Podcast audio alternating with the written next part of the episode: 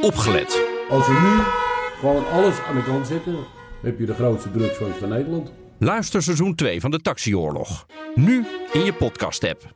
Het ziet ons een beetje zwart voor de ogen. Ja, hoe komt dat? maar dat komt door de zwartgelakte documenten die we allemaal te zien kregen. Fractie. Postma in Amerika.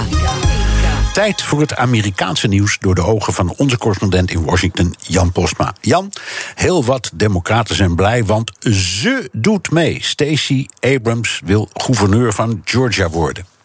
Ja, daar is echt wel wat uh, opwinding over bij uh, Democraten. Ook wel bij Republikeinen trouwens. Maar dat is meer omdat die wat minder blij met die Abrams zijn. Uh, ja, zij verloor de race voor het gouverneurschap in 2018. Hè, met een heel klein verschil. 1,4 procent. Jonge zwarte vrouw. in het toch traditioneel conservatieve Georgia. En ze viel toen al enorm op door het enthousiasme dat ze veroorzaakte. Vrijwilligers, donaties. Ze maakte echt wat los. en zij is een belangrijke reden, denk ik ook, dat Georgia nipt naar Joe Biden ging. Uh, vorig jaar. Nou, ze willen het weer een keer proberen voor het gouverneurschap dus. En zo kondigden ze dat aan. Leadership that doesn't take credit without also taking responsibility. Leadership that understands the true pain folks are feeling and has real plans. That's the job of governor, to fight for one Georgia, our Georgia. And now it's time to get the job done. Ja, fantastisch hè, met die muziek erop. Oh ja. Nou, ja. Die violen, ja, je hoort ze Stacy, Stacy roepen. Ja. Ja. En, ja, de, de democraten die kijken natuurlijk nogal angstig naar de komende verkiezingen. hè. Maar eh, Abrams is dan iemand waar ze dus echt heel optimistisch van worden. En wat ze ook wel interessant vinden bij de Republikeinen dreigt een beetje verdeeldheid. Want de huidige gouverneur Kemp eh, die, die heeft eh, niet genoeg gedaan om Trump te helpen bij de verkiezingen. Zo vindt Trump zelf. En bij dat verhaal van die, nou, die claims van fraude en zo. Hè. En Trump die schijnt nu een republikeinse tegenkandidaat te gaan eh, steunen. Want hij is echt op wraak uit op eh, Kemp. Dus dat zou nog wel eens eh, interessant eh, Ja, kunnen worden.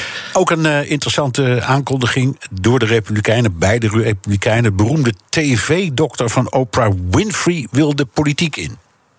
Ja, Dr. Oz. Eh, ken jij hem van de Oprah, Oprah Winfrey? Ja, zeker, natuurlijk. Ja, Ja, ja, ja. Het is een be- bekende eh, ver- verschijning op de Amerikaanse tv. Boekenschrijver ook. eh, man met veel succes. Had zijn eigen tv-show. Eh, hij is eigenlijk een chirurg, geloof ik. Maar hij wil nu de Senaat in. En ja, Oprah is een democraat. Dan denk je misschien Dr. Oz ook. Maar nee, dit is dus echt een, een conservatieve eh, republikein. En hij gaat echt campagne voeren op het coronabeleid. COVID has shown us that our system is broken. We lost too many lives, too many jobs, and too many opportunities because Washington got it wrong. They took away our freedom without making us safer and tried to kill our spirit and our dignity.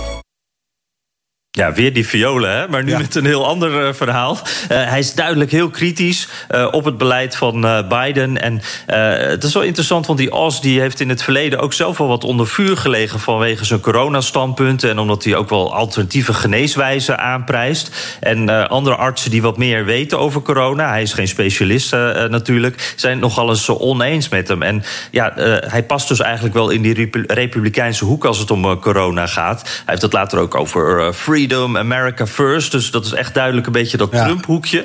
Wel opvallend, hij wil de Senaat in voor Pennsylvania, maar hij woont al twintig jaar in New Jersey. Ja, nou goed, dat is vlak om de hoek.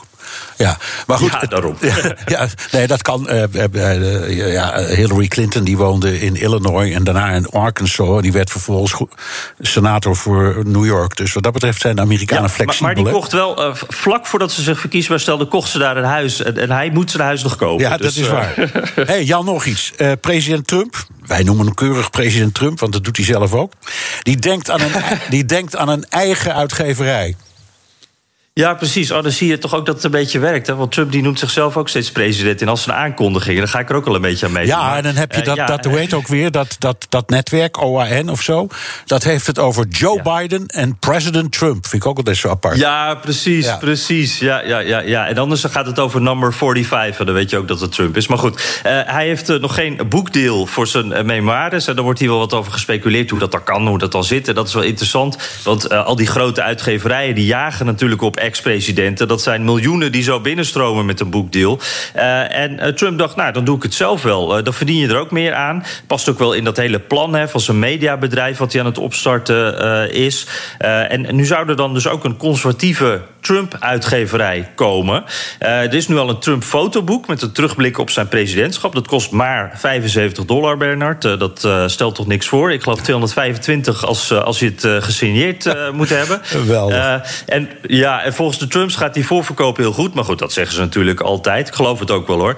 dat zou een soort voorproefje moeten zijn. want nou, het echte werk komt dan straks dus met zijn eigen boek. wie weet welke ghostwriter. maar dat zal ook wel weer heel veel geld opleveren. En ik vond het wel interessant. Een andere uitgever die zei: Nou, ik denk dat het aan iets heel, iets anders ligt. Dat dit zo aanpakt. Die zei het tegen Politico. Want Obama die kreeg een gigantisch voorschot. 60 miljoen dollar. samen met zijn vrouw hè, voor een boek. En daar wil Trump niet voor onderdoen. ja, hij wil altijd winnen. Dus ja, als dat dan niet lukt, dan doet hij het maar zelf. Dankjewel, Jan Postma, correspondent in Washington. Wilt u meer horen over dat fascinerende land? Luister dan naar de Amerika-podcast van Jan en. Tot zover BNR De Wereld. Terugluisteren kan via de site, de app, Spotify of Apple Podcast. Reageren kan via een mailtje naar dewereld.bnr.nl. Tot volgende week. Ook Liesbeth Staats vind je in de BNR-app. Ja, heel handig. Luister live naar Kees en mij tijdens de Daily Move. Dan blijf je ook gelijk op de hoogte van breaking news en het laatste zakelijke nieuws. En daar vind je ook alle BNR-podcasts, waaronder de Perestrooikast. Download nu de gratis BNR-app en blijf scherp.